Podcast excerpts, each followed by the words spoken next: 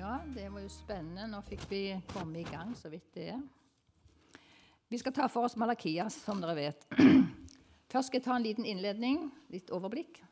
Så går vi gjennom Malakias, og til slutt skal vi se på hva har dette å si oss i, dag. Og det kan dere jo tenke på når vi holder på, om dere får noen assosiasjoner til hva, aktuelt, hva som er aktuelt i dag. Denne boken Oi, får ikke lest det. Denne boken er den siste i Det gamle testamentet. Ikke sant? Malakias. Vi vet ikke om han het Malakias egentlig, for Malakias det betyr 'min budbærer'. Og Det er mulig at det første verset kunne oversettes slik.: Dette utsagn er Herrens ord til Israel ved mitt sendebud. Um, vi vet ikke mer om Malakias enn det som står her.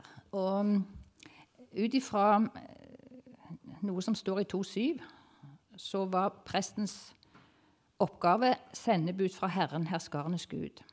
Og ut ifra det så tror noen at Malakias var prest. Men samtidig så refsa han det jo skikkelig, prestene.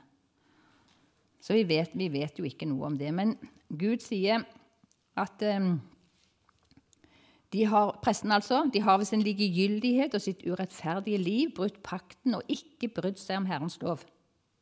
Derfor har jeg, Herren, gjort dere foraktet og små for hele folket, for dere akter ikke på mine veier. Så han er ganske hard mot prestene. Ut ifra den boken kan vi finne sånn cirka når, han, presten, når han, Malakia sto fram. For tempelet det er ferdig bygd opp igjen etter at de hadde vært i Babylon. Gudstjenestelivet er kommet i gang i faste former, ser vi. Eh, og Fredrik Wisløff mener at det må ha gått en tid etter det, for vi vet hvor ivrige de var til å begynne med. Men så sklei det litt ut etter hvert. Begeistringen la seg, og de var åndelig likegyldige, både prestene og folket. De tok det ikke så nøye med ofringen, og de brydde seg ikke så mye om den tienden heller. Og de tok seg frihet til å leve sånn som de selv hadde lyst, brydde seg ikke om Guds bud. Moralsk sto det dårlig til.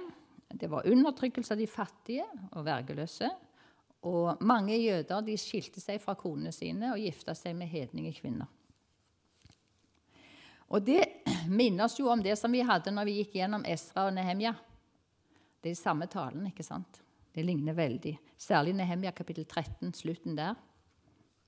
Ligner på de talene som vi hører her.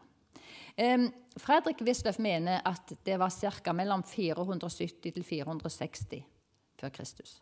Det har ikke så veldig mye å si for oss, for det glemmer dere før det går ut. Men vi, jeg tar med det fra Bibelen Ressurs. De mener at det var etter den eh, vekkelsen, eller hva jeg skal kalle det for noe, som Esra og Nehemia hadde.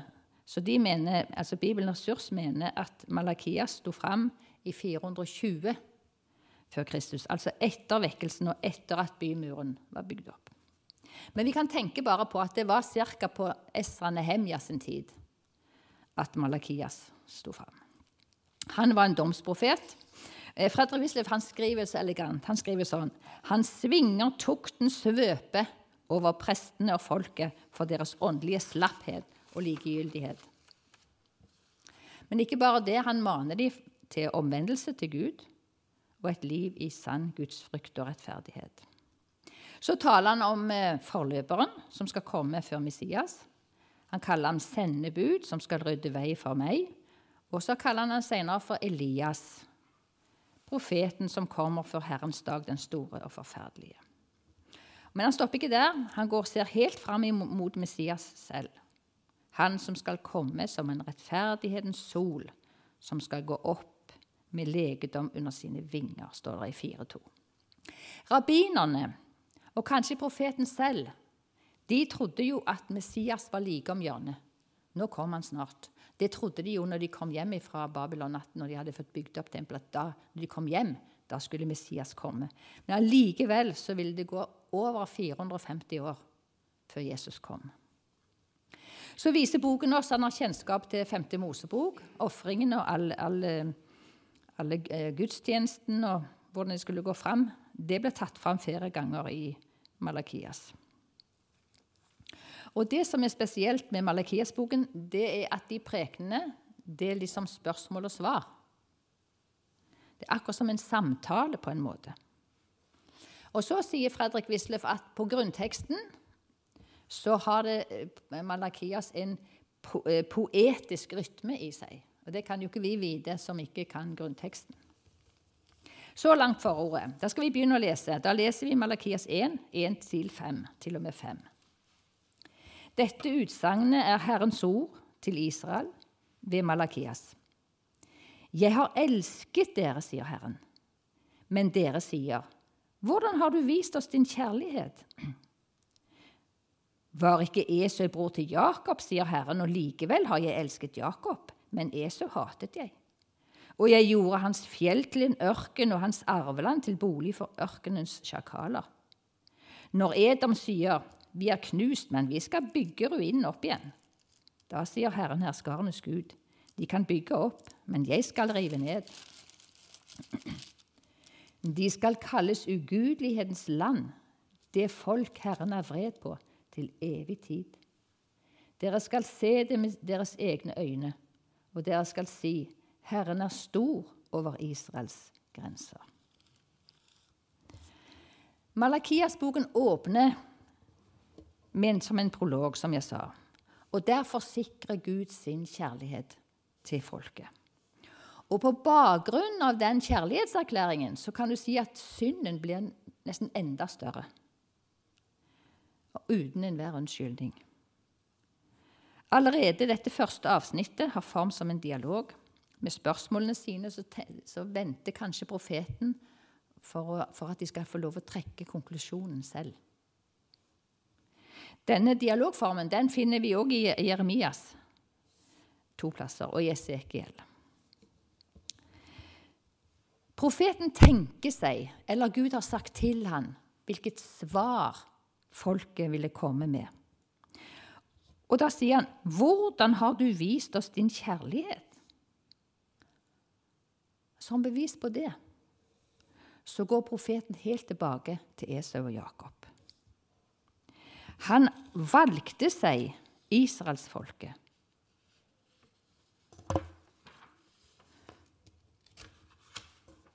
Det var et bevisst nådevalg. De var brødre Esau og Jakob. Men han valgte seg Jakob. Og så står det at han hatet Esau.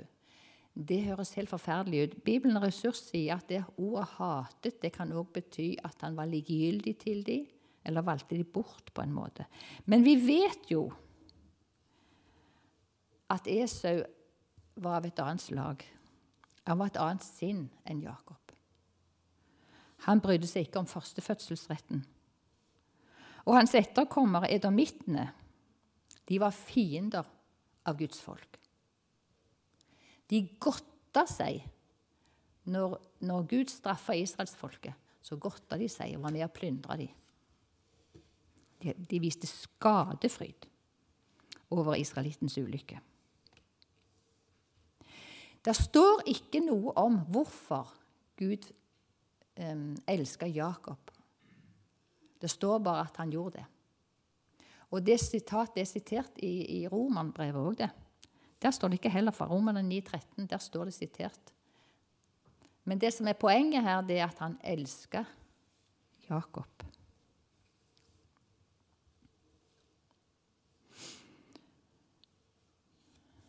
Um, det som der, Dere kan lese i Obadja.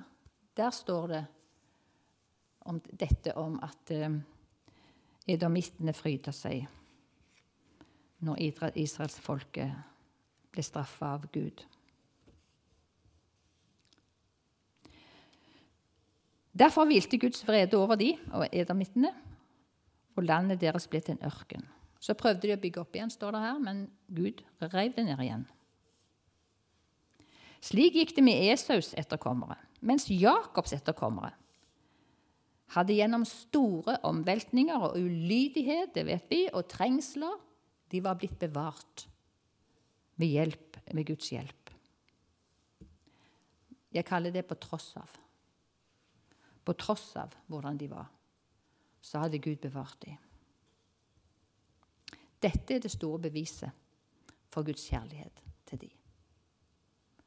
Det er derfor det er sånn Gud forklarer hans kjærlighet til folket. På tross av hvordan de hadde oppført seg, og hvordan de hadde vært og snudd ryggen til han, og alt dette her. På tross av hadde Gud elska dem. Så skal vi lese videre fra vers 6 ut kapittelet. En sønn ærer sin far, og en tjener sin herre. Er nå jeg far, hvor er da min ære? Og er jeg herre, hvor er da frykten for meg, sier Herren, herskarenes Gud, til dere prester, dere som forakter mitt navn. Men dere sier, hvordan har vi visst forakt for ditt navn? Ved å bære fram uren mat på mitt alter. Men dere sier, hvordan har vi krenket din renhet? Ved å si, Herrens bord er ingen ære verd. Når dere kommer med et blindt dyr for å ofre det, er det da intet ondt i det? Og når dere bringer et dyr som halter eller er sykt, er det da ikke noe vondt i det? Kom med slike gaver til stattholderen. Tror du han vil være tilfreds med deg? Eller ta nådig imot deg, sier Herren, herskarenes Gud. Og bønnfall nå Gud at han må være oss nådig. Med egne hender har dere gjort dette. Kan han da være nådig mot dere? Så sier, sier Herren herskarenes Gud. Om det bare var noen iblant dere som ville stenge tempels dører, så dere ikke forgjeves tenner ild på mitt alter. Jeg har ikke behag i dere, sier Herren, herskarenes Gud. Jeg har ikke lyst til offergave fra deres hånd. Fra solens oppgang til dens nedgang skal mitt navn bli stort blant hedningefolkene. På hvert sted skal det brennes røkelse og bæres fram offergaver for mitt navn, rene offergaver. For mitt navn skal være stort blant, hedning, blant folkeslagene, sier Herren, herskarenes Gud. Men dere vanhelliger mitt navn ved å si:" Herrens bord er, er urent, og maten som gis på det, er lite verd. Og dere sier, 'Å, for et strev'. Dere blåser foraktelig av det, sier Herren herskarenes Gud. Og dere bærer fram slikt som er røvet, og dyr som er halte eller syke. Slikt bærer dere fram som offergave. Skulle slike gaver fra dere behage meg, sier Herren. Forbannet være den som farer med svik, den som har hanndyr i sin jord og gjør et løfte, men likevel ofrer et dyr som har lyte. For jeg er en stor konge, sier Herren herskarenes Gud, og mitt navn er fryktet blant hedningen, blant folkeslagene. Når en ser på Guds store kjærlighet til sitt folk, og når en leser om Hans nåde imot den, så blir syndene på en måte enda større. Ved sin likegyldighet og ulydighet viser de forakt for Herren. Denne talen her er først og fremst sagt til prestene. Men den har jo òg alvorsord til folket. Gud er både folkets far og herre. Og enhver far bør behandles med ærbødighet, og enhver herre med ærefrykt. Så Gud har rett til å spørre, er jeg nå far, hvor er da min ære? Er jeg herre, hvor er da frykten for meg? Dere prester, dere forakter mitt navn. Hvordan har vi foraktet ditt navn, spør de. Prestene har vist forakt for Herrens navn ved å krenke alterets renhet. De bærer fram uren mat på Guds alter. De har syndet mot Guds lov ved å ofre dyr som ikke er verdt noen ting. Dyr som er blinde og halte og syke. Dyr som de aldri kunne gi til stattholderen. Han ville aldri godta det. Var det da godt nok for Gud? De ofret dyr som de selv ikke ville ha, som ikke de hadde bruk for, som ikke var noe verdt. Hva sa loven om dette? I 3. Mosebok 22 så står det at dyret skal være uten lyte Altså helt feilfritt.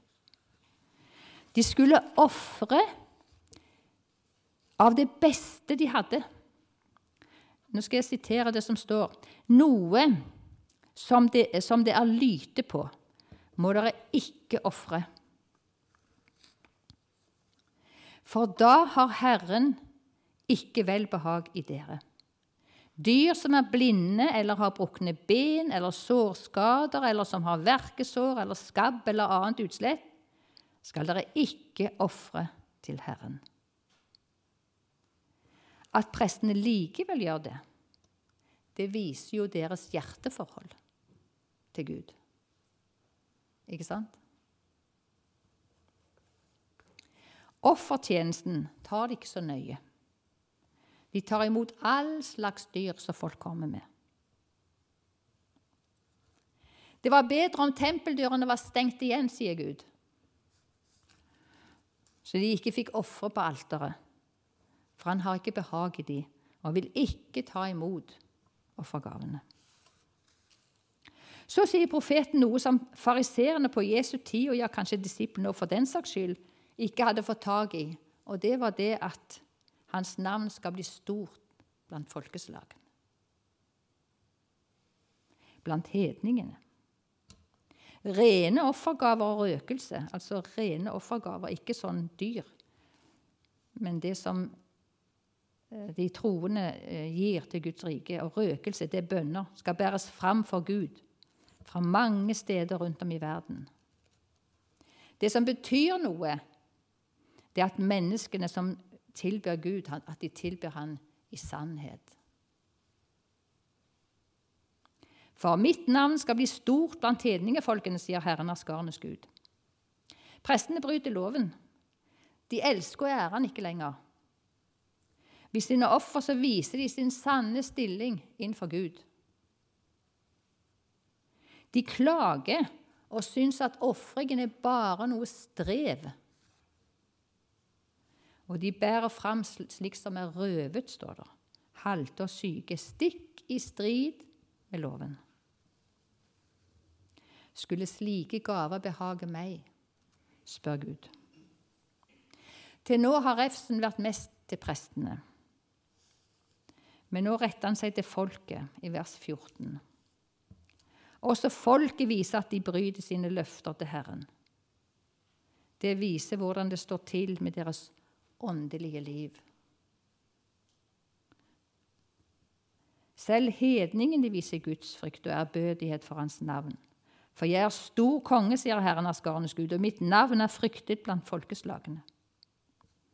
Tenk, hedningene frykter Gud. Skulle ikke da hans folk gjøre det? Isteden så forakter de han. Så skal vi lese fra kapittel 2, vers 1-4. Og nå, dere prester, nå kommer dette bud til dere. Dersom dere ikke vil høre og ikke legge dere det på hjertet, så dere gir mitt navn ære, sier Herren av skarenes Gud, så vil jeg sende forbannelsen mot dere. Og jeg vil forbanne deres velsignelser.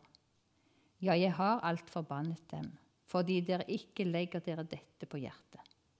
Se, jeg truer deres ett. Jeg kaster møkk i ansiktet på dere møkk av deres eget høytidsoffer, og dere skal selv bli kastet opp i den. Da skal dere kjenne at jeg har sendt dette bud til dere, for at min pakt med Levi skal stå fast, sier Herren, herskarenes Gud. Nå vender han seg igjen til, til prestene med alvorlige domsord. Prestene har forakta Guds navn hvis en likegyldighet overfor Hans lov. Og dersom de ikke nå vender om og ærer Han, så vil forbannelsen være å hvile over dem. Jeg vil kaste møkk i ansiktet på dere, står det. Møkk av deres høytidsoffer. Det står sikkert ikke det i, i den nye oversettelsen, men det står det hos meg. Og Det er jo i grunnen det de fortjener, egentlig. For det er det de har gjort mot Gud. Når de har kommet med disse verdiløse dyrene sine. Men Gud lar seg ikke spotte.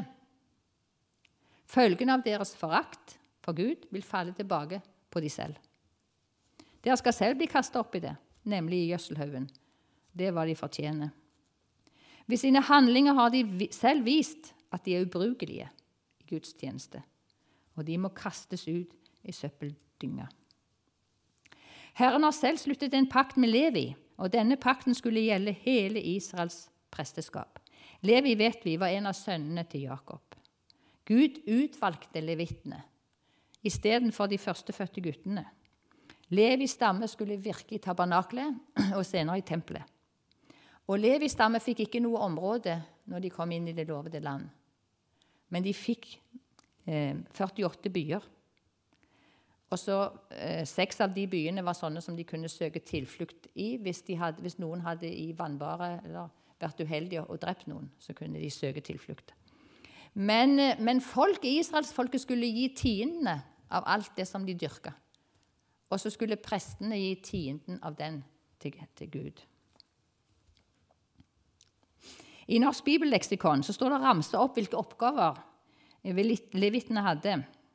Jeg skal bare ta noen av dem, for det var veldig mange. De skulle stå for Herrens åsyn og tjene ham, lovsynge Herren, tjene folket, undervise, velsigne, avgjøre rettsspørsmål og hjelpe til med ofringene. Det er noen av det.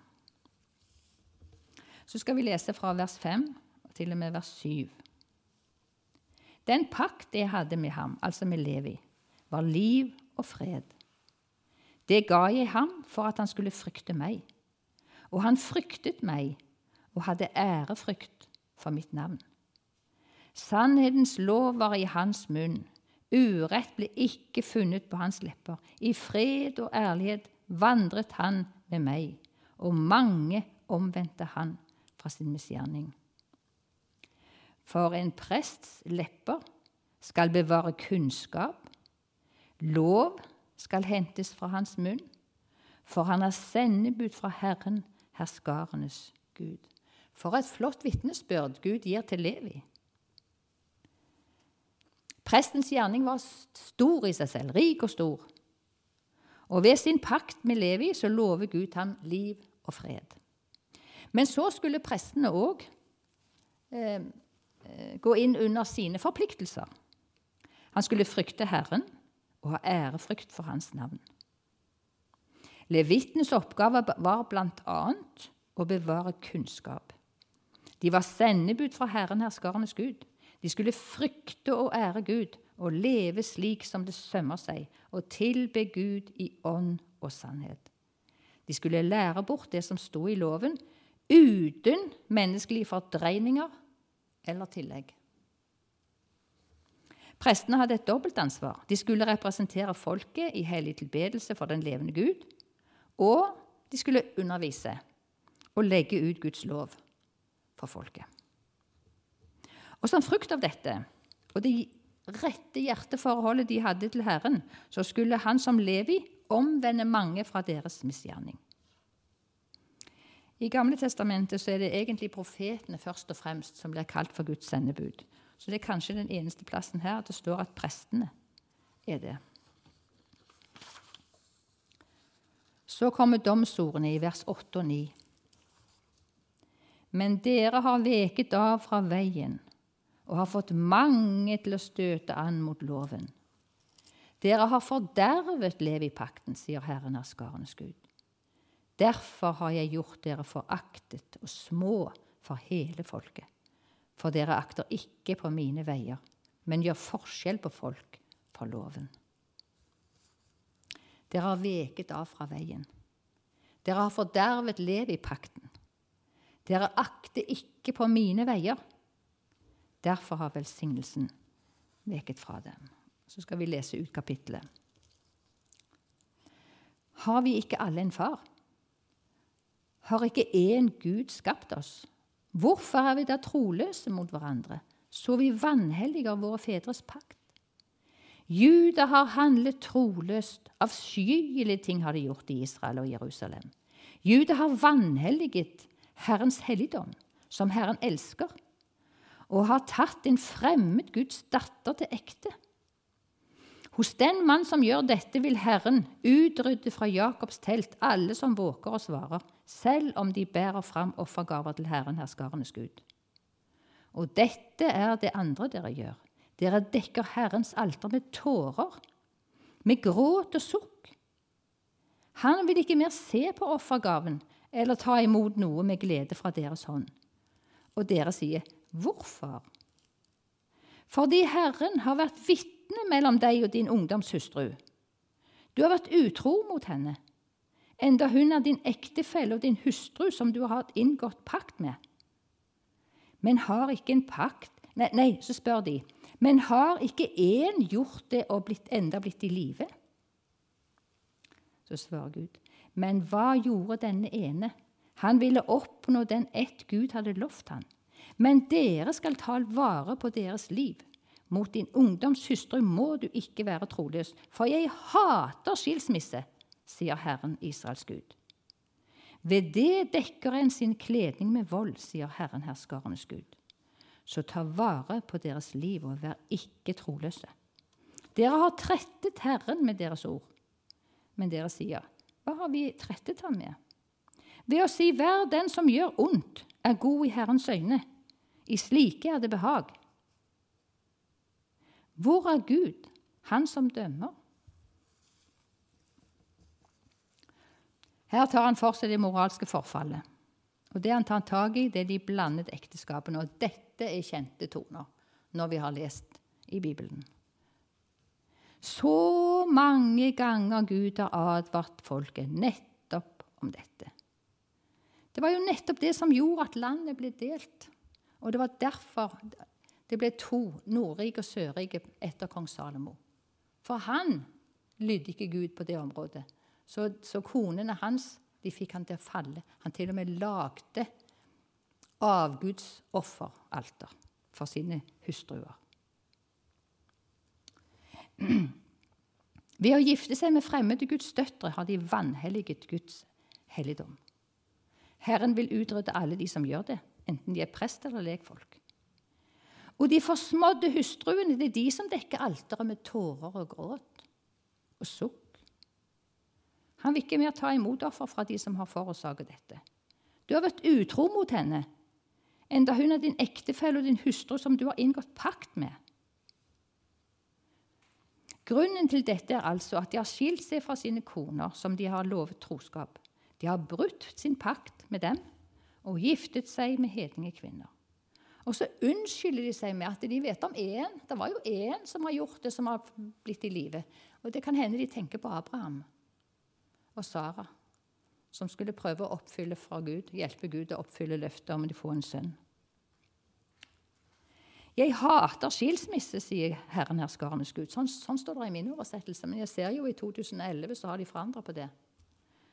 Der står det sånn.: Den som får uvilje mot henne og sender henne bort, sier Herren Israels Gud, skitner til sine klær med vold, sier Herren herskarenes Gud. Så vokt deres ånd vel, vær ikke troløse. Ja, ja, jeg kan ikke grunnteksten, men jeg syns det er veldig greit at det står så klart og tydelig at han hater skilsmisse. Dere tretter meg med deres ord, sier Herren.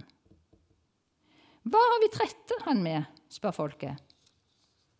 Gud er trett av unnskyldninger og at folk, folket som ikke hører på ham. Og så prøver de til og med å henvise til Skriften, hadde Sinar sagt, til Abraham, for å unnskylde og for å få aksept for sine handlinger.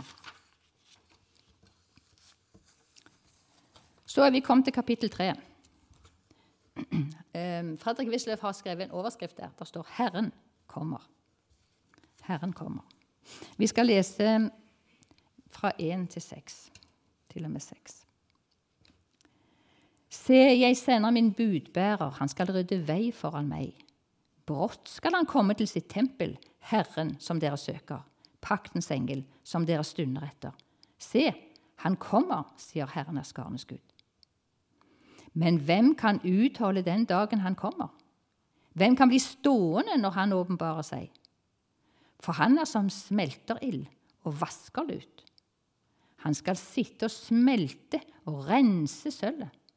Han skal rense Levis barn, lutre dem som sølv og gull, og de skal, være, og de skal bære fram for Herren offergaver i rettferdighet. Da skal Juda og Jerusalems offergaver behage Herren som i eldgamle dager, som i fordums år. Jeg vil komme til dere og holde dom. Jeg, vil, jeg skal være snar til å vitne mot trollmennene og horkarene, og mot dem som sverger falskt, og mot dem som holder tilbake dagsarbeidernes lønn, og undertrykker enken og den farløse, de som bøyer retten for den fremmede, og som ikke frykter meg, sier Herren, herskarenes Gud. Jeg, Herren, har ikke forandret meg, og dere, Jakobs barn, er ikke tilintetgjort. Herren kommer.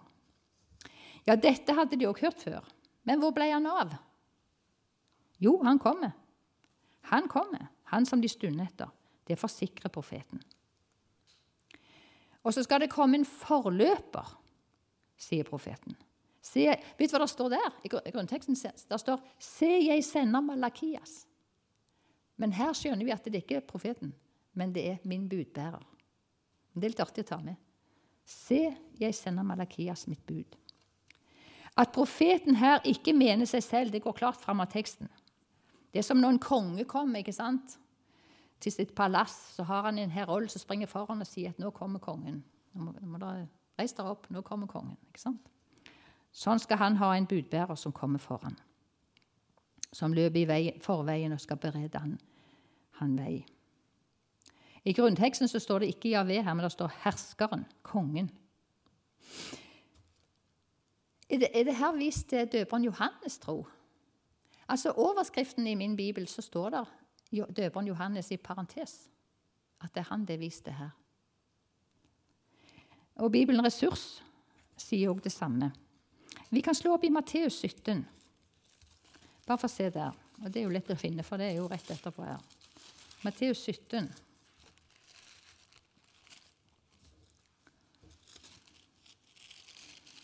Så vers 9-13 skal vi lese der. Det er når de har vært på Forklarelsens berg. ikke sant? Når de kommer ned der, så står det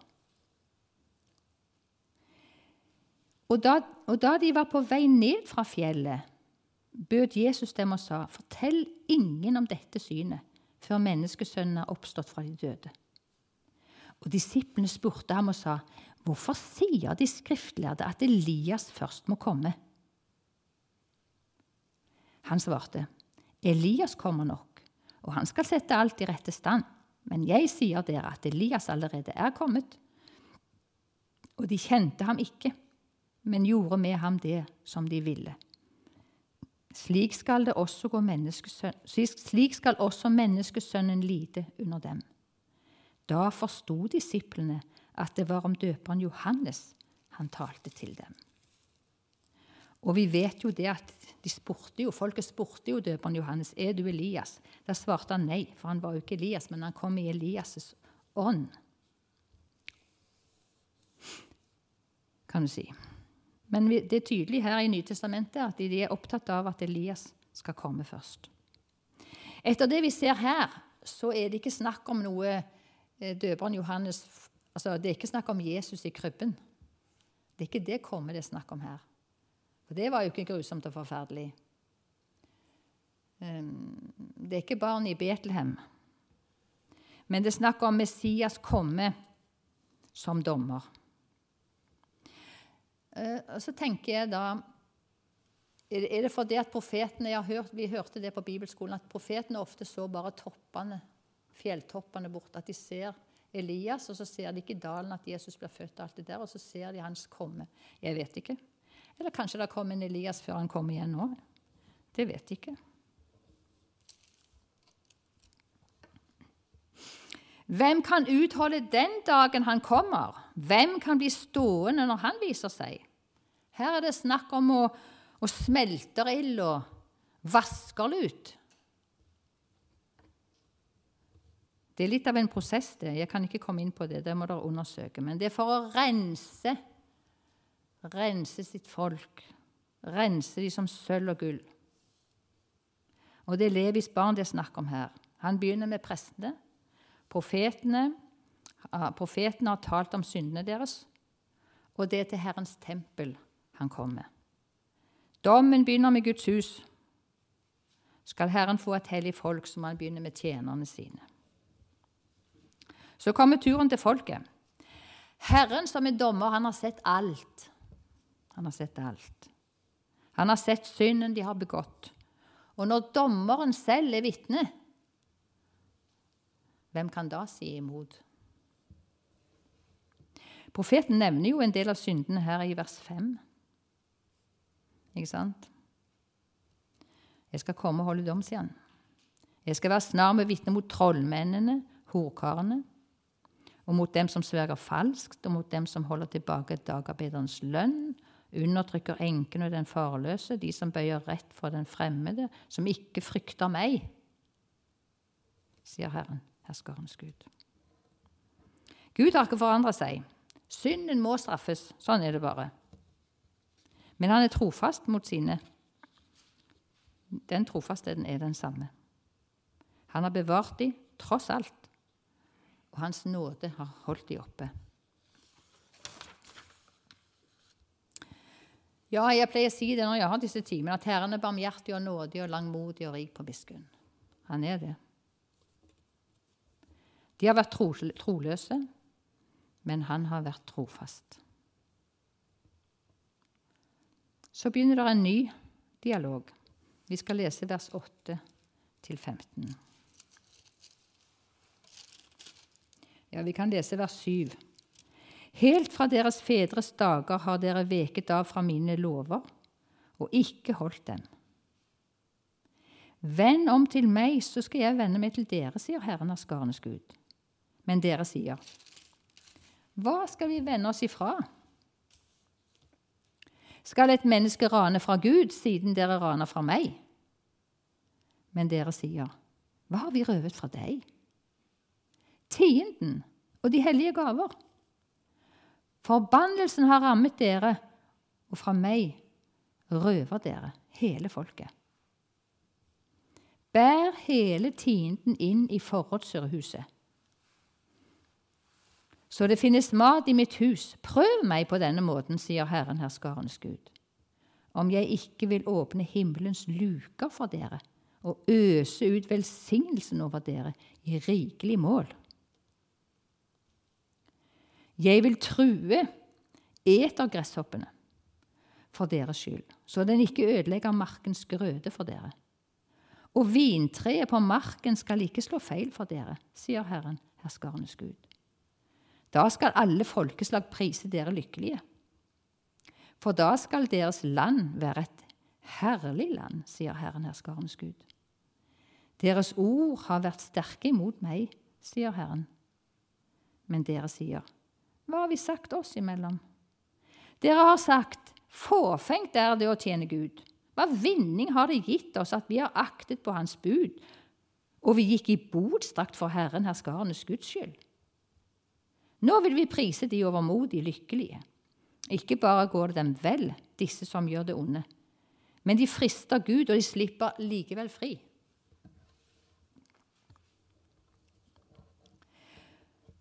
Folket har slutta å gi tiende.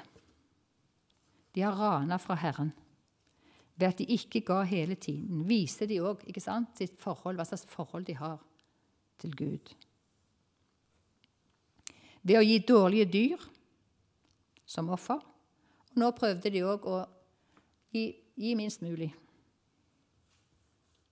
Så billig som mulig skulle det være. Det sier jo mye om deres gudsforhold. Men det har kosta de dyrt. For på grunn av dette så lukket Herren sin himmel over dem, og de opplevde uår med tørke og gresshopper. Begynn å gi tiendene, prøv meg, sier Herren. Så kommer løftene om hva da vil skje. Så kommer det en ny dialog i 13.15. Deres ord har vært sterke imot meg, sier Herren. Ja, hva har vi sagt? Vet du hva? Jeg får en assosiasjon her. Det gjør sikkert dere òg til Salme 73. Husker dere det? Asaf. Han òg klagde. Han ble harm da han så at det gikk de ugudelige vel. Forgjeves har jeg renset mitt hjerte og tvettet mine hender i uskyld, sier han. Men Asaf sin konklusjon ble annerledes. For han sier, 'Jeg blir alltid hos deg. Du har grepet min høyre hånd.' For meg er det godt å holde meg nær til Herren. Jeg tar min tilflukt til Herren, Herren. Han så hvordan det gikk de ugudelige til slutt. Men israelsfolket bryr seg ikke lenger. De ofrer, ja. De holder seremoniene, ikke sant? Men det betyr jo ingenting for dem. Det ser vi jo på det de ofrer og det de gir. Og de klager, for de har ikke hatt noe fordel av hele greiene. Og så har de fasta. Hva har de fått igjen for det? Sånn sier de. Det går jo de gudløse bra i livet. De gjør Gud imot, og likevel så skjer det ingenting med de. Nå vil vi prise de lykkelige. Det var konklusjonen til israelsfolket. Så skal vi lese 16 og så ut kapittelet. Da talte de med hverandre, de som frykter Herren. Og Herren lyttet og hørte det. For hans åsyn ble det skrevet en minnebok for dem som frykter Herren, og de høyakter hans navn. De skal være mine, sier Herren, herskarenes Gud, min eiendom.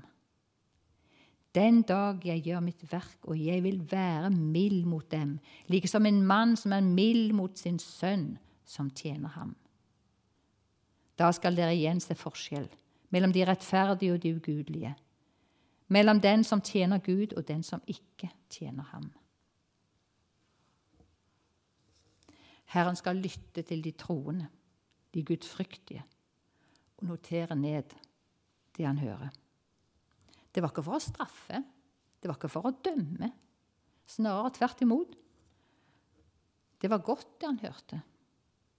Og en dag skulle de få sin lønn.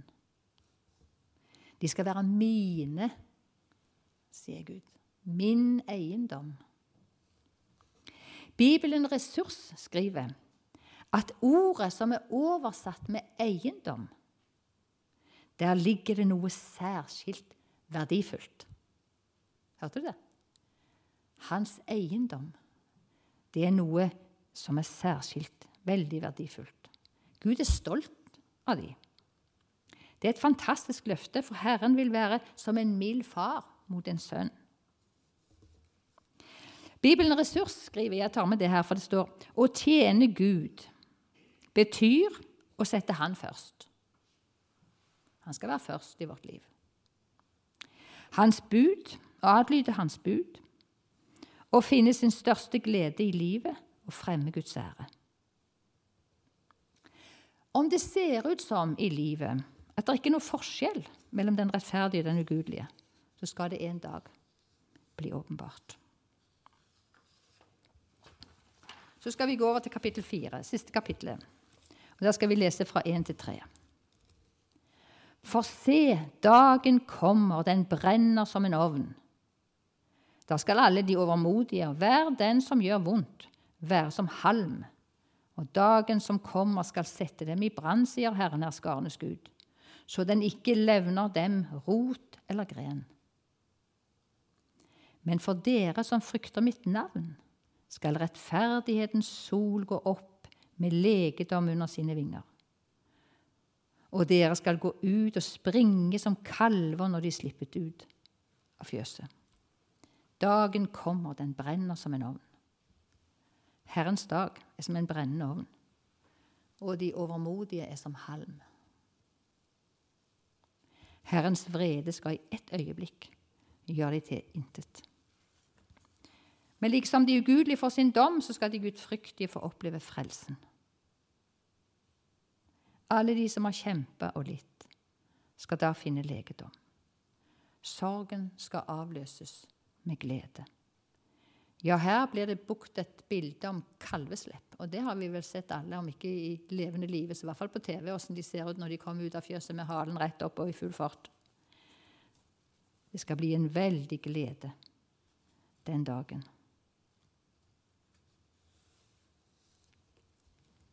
Det er ikke godt å lese det her. Det er alvorlig. Og vi har mange vi ber for. Og vi blir enda flittigere kanskje til å legge dem fram for Gud i bønn. Så de slipper å oppleve det her. Vi skal lese fra vers 4 og ut. Kom i hu Mose lov,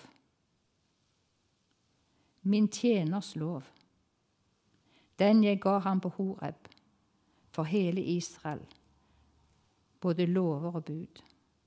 Se, jeg sender dere Elias profeten For Herrens dag kommer den store og forferdelige. Han skal vende fedrenes hjerte til barna og barnas hjerte til, fed, til deres fedre, så jeg ikke skal komme og slå landet med bann. Det er både, det er både prestenes og folkets ulykke at de ikke har tatt så nøye med Guds ord, med loven. De har veget fra den, de har veget fra veien. Og Nå formaner profeten de til å huske på det. Huske på loven, den som Moses fikk på fjellet.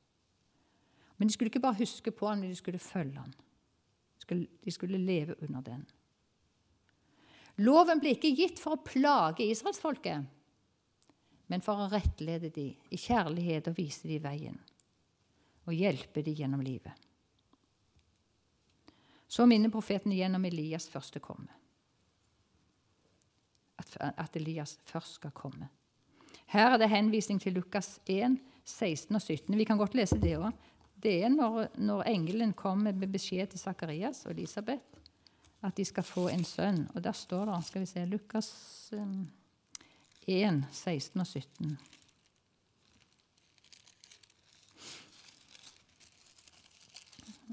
Skal vi se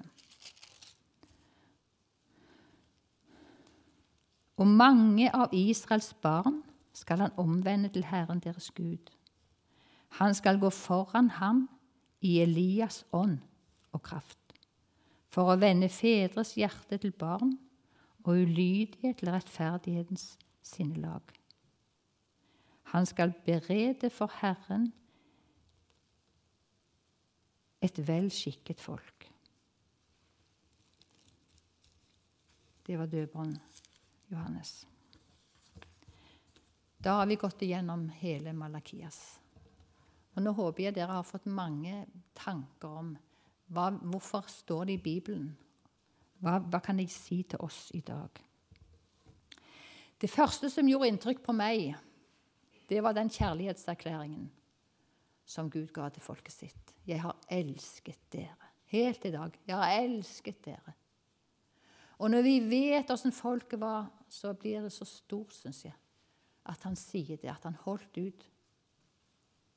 Men hva sier han til oss? Så har jeg elsket dere at jeg ga min sønn, den enbårne. For så høyt har Gud elsket verden, at han ga sin sønn. Sier det samme til oss. Han sier mer. Som far har elsket meg, har jeg elsket dere, står det i Johannes 15, 9. Bli i min kjærlighet. Tenk på det. Som Gud har elsket Han, så elsker Han oss. Vet du hva? Jeg tror ikke det har gått opp for oss. Ikke for meg. Jeg tror det, men jeg vet ikke om jeg har skikkelig fått sett det, for det er jo så stort. Eller i Efeserne 2,4.: Fordi Han elsket oss med så stor en kjærlighet, gjorde han oss levende ved Kristus, vi som var døde ved våre misgjerninger. Og kjærlighetens apostel han skriver i sitt første brev, det tredje kapittelet. Se hvor stor kjærlighet Faderen har vist oss, at vi skal kalles Guds barn. Og det er vi. Se, sier Johannes, hvor stor kjærlighet Faderen har vist oss. Guds kjærlighet er stor. Jeg tenker på at han er egentlig kjærlighet.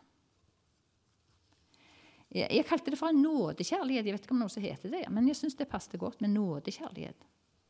For han har utvalgt oss, står det. For i ham har han utvalgt oss før verdens grunnvoll ble lagt. I kjærlighet har han forutbestemt oss til å få barnekår hos seg ved Kristus Jesus etter sitt frie råd. I kjærlighet har han forutbestemt oss til å få barnekår. For av nåde er vi frelst ved tro. Det er ikke av oss selv, men det er en Guds gave. Ikke av gjerninger for at ikke noen skal rose seg. Det er en gave. Det er en kjærlighetsgave. Ja, jeg kommer stadig tilbake til det at vi vet hvordan Israels folk oppførte seg. De var troløse, de snudde han ryggen, og hver gang de hadde problemer, og vansker, så ropte de til Gud, og Gud var snill. Nei, han var ikke snill. Han var kjærlig. Og så hjalp han de, og så fikk de det godt.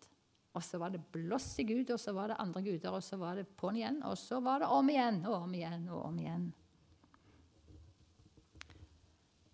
Likevel sier han, 'Jeg har elsket dere'. Vel, vi er vel ikke så veldig forskjellige fra de egentlig, når vi får tenkt oss om. For er det ikke sånn vi òg er, da? Det er når vi har det vanskelig, når vi er syke, når vi er i nød, så sier vi 'Å, vi må be'. Vi må be. Ja da, og det skal vi. Men det var spørs liksom, Er det bare da vi skal be? Er det da vi skal rope til Gud? Er det da vi skal lese Hans ord? Vi mennesker vi er sånn. Hvis det er, en, hvis det er et forlis, så hører vi jo det at vi roper på Gud.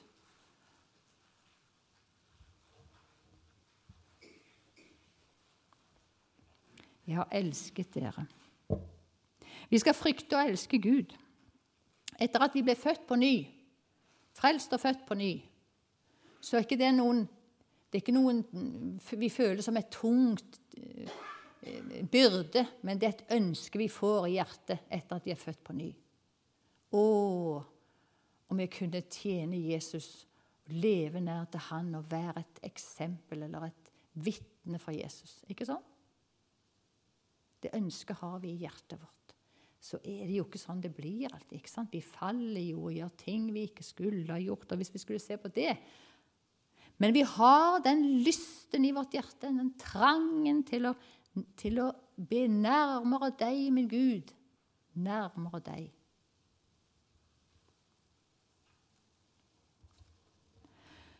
Så ofrer ikke vi sånn dyr sånn som israelsfolket, for Jesus er lovens ende.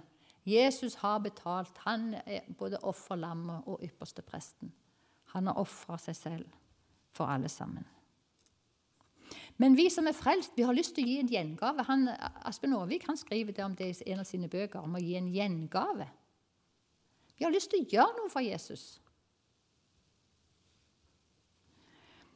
Derfor så alt det vi gjør, alt det vi gir eller ofrer Alt det vi sier, hvordan vi lever, det speiler jo egentlig vårt hjerteforhold til Jesus. Gjør det ikke det? Det er vanskelig å si det. For det, den, jeg kommer på den sangen, Når jeg ser på meg selv og alt som er galt, så glemmer jeg ofte hva Herren har talt. Det er ikke rare greiene. Jeg må jo bare si det. Jeg skulle jo ønske det var helt annerledes. Men jeg har den lysten i mitt hjerte. Jesus, om jeg kunne få være et vitne for deg. Om jeg kunne få lov å vise andre veien. Må Herren hånd jeg får være som peker på deg, og Guds lam.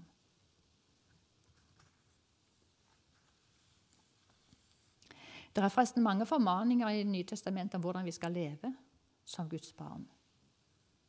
står det masse hvordan vi skal leve. Hvordan vi skal være sammen med hverandre hvordan vi skal se på dem. Vi skal elske våre fiender, vi. Så ser jeg i kommentarfeltene såkalte kristne som skriver så mye stygt, så hatsk. Det er ikke riktig, det. Vi skal elske våre fiender. Det klarer vi vel ikke selv, men Det sto at Herren han lyttet, han fulgte med de troende og lyttet til deres samtale. Da kom jeg til å tenke på hun, Vivian Zahl Olsen. Hun skrev, en, hun skrev en bok som heter 'Gud gjør ingen religiøs'. Og Der har hun et bilde av en hånd som kommer ned fra himmelen med en diger steikepanne. Klar til å knette folk i huet hvis de gjør noe som de ikke skulle ha gjort. Sånn et bilde hadde hun på Gud. Det er jo trist.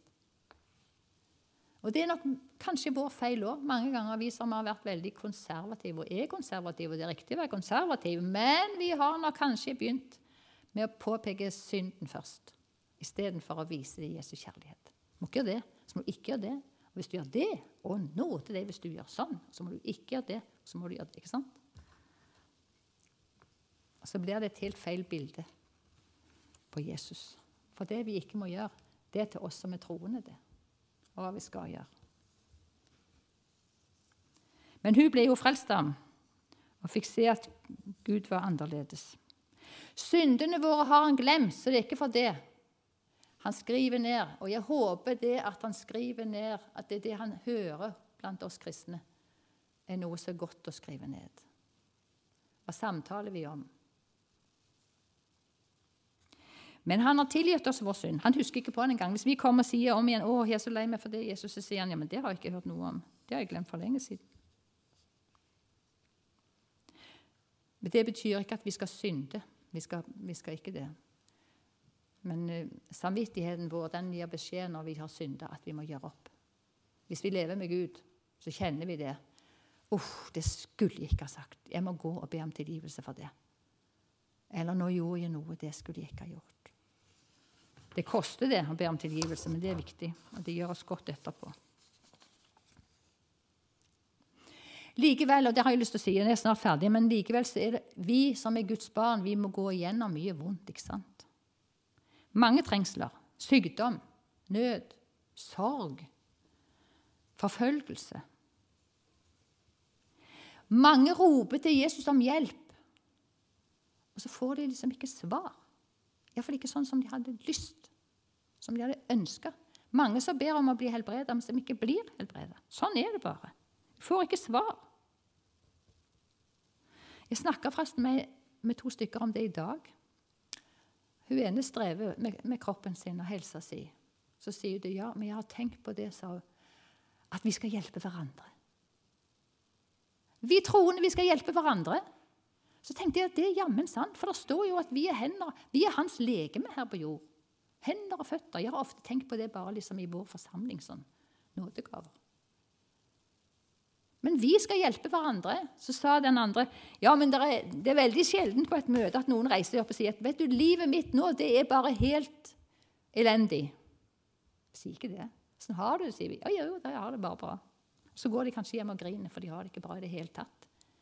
Jeg skulle ønske på en måte at vi var enda litt mer åpne for hverandre og ikke så redde for å miste ansikt, som vi tror vi, vi gjør.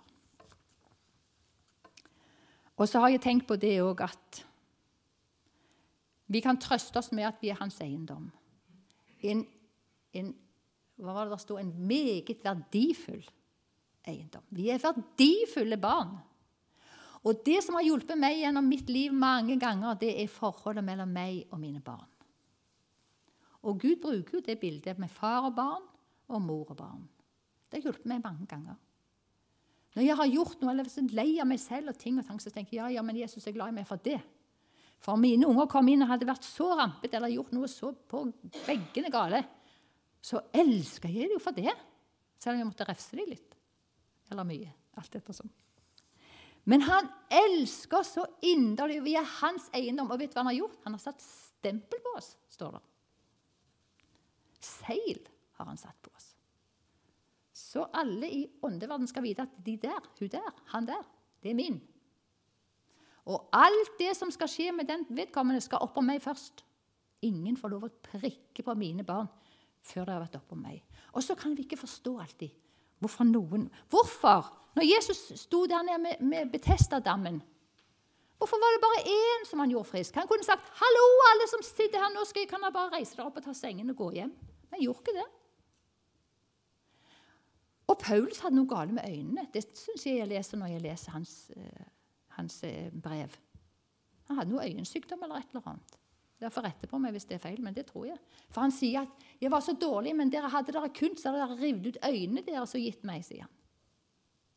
Og Timoteus han hadde jo jevn, sånn, jevnlige sykdommer og vondt i magen. Ja, de var ikke friske. Alle blir ikke det. Det er noen som vil prente inn i meg at alle Mitt liv, mine omgivelser viser meg at det stemmer ikke. Men hvorfor det er sånn, det vet jeg ikke. Men en dag så får vi kanskje vite det.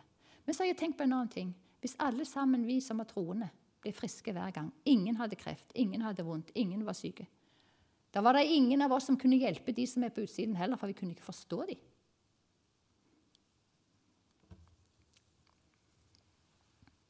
Nei, vi skal hjelpe hverandre.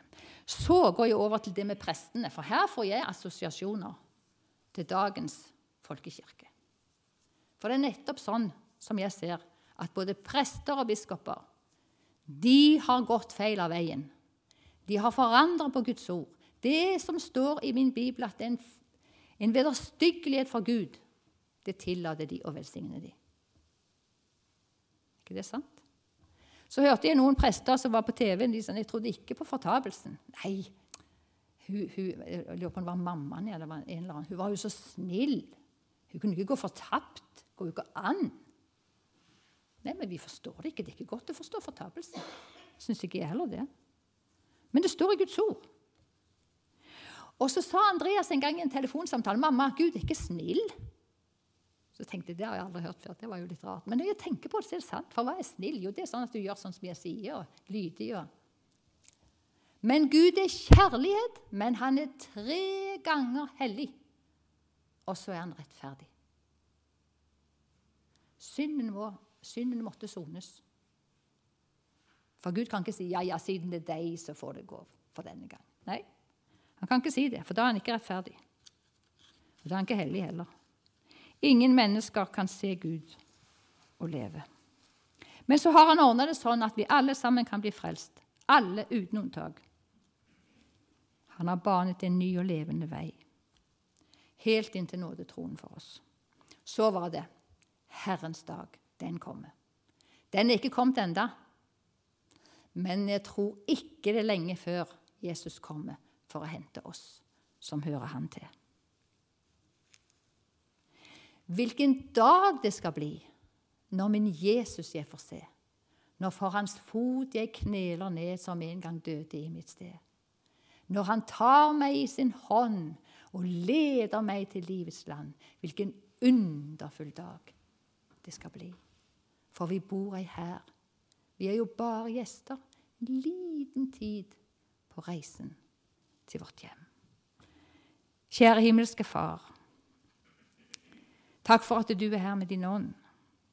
For det er ingen hjelp i om jeg holder et foredrag, hvis ikke du ved din ånd viser oss til hjertene våre hva du vil si oss.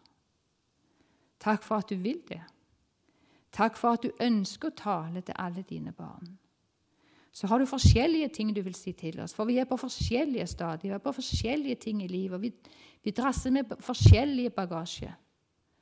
Og vi har det på forskjellig vis. Men du er den perfekte far som vet alt om det der, og som kan gi oss den rette holdt jeg på å si medisin. Takk, far, for at vi er dyrebare i dine øyne.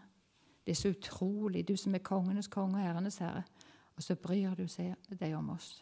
Og så ga du Jesus i vårt sted. Takk, takk, himmelske Far. Amen. Takk for at du ville lytte til denne podkasten fra Verningen bedehus. For mer informasjon om vår forsamling, besøk vbh.no.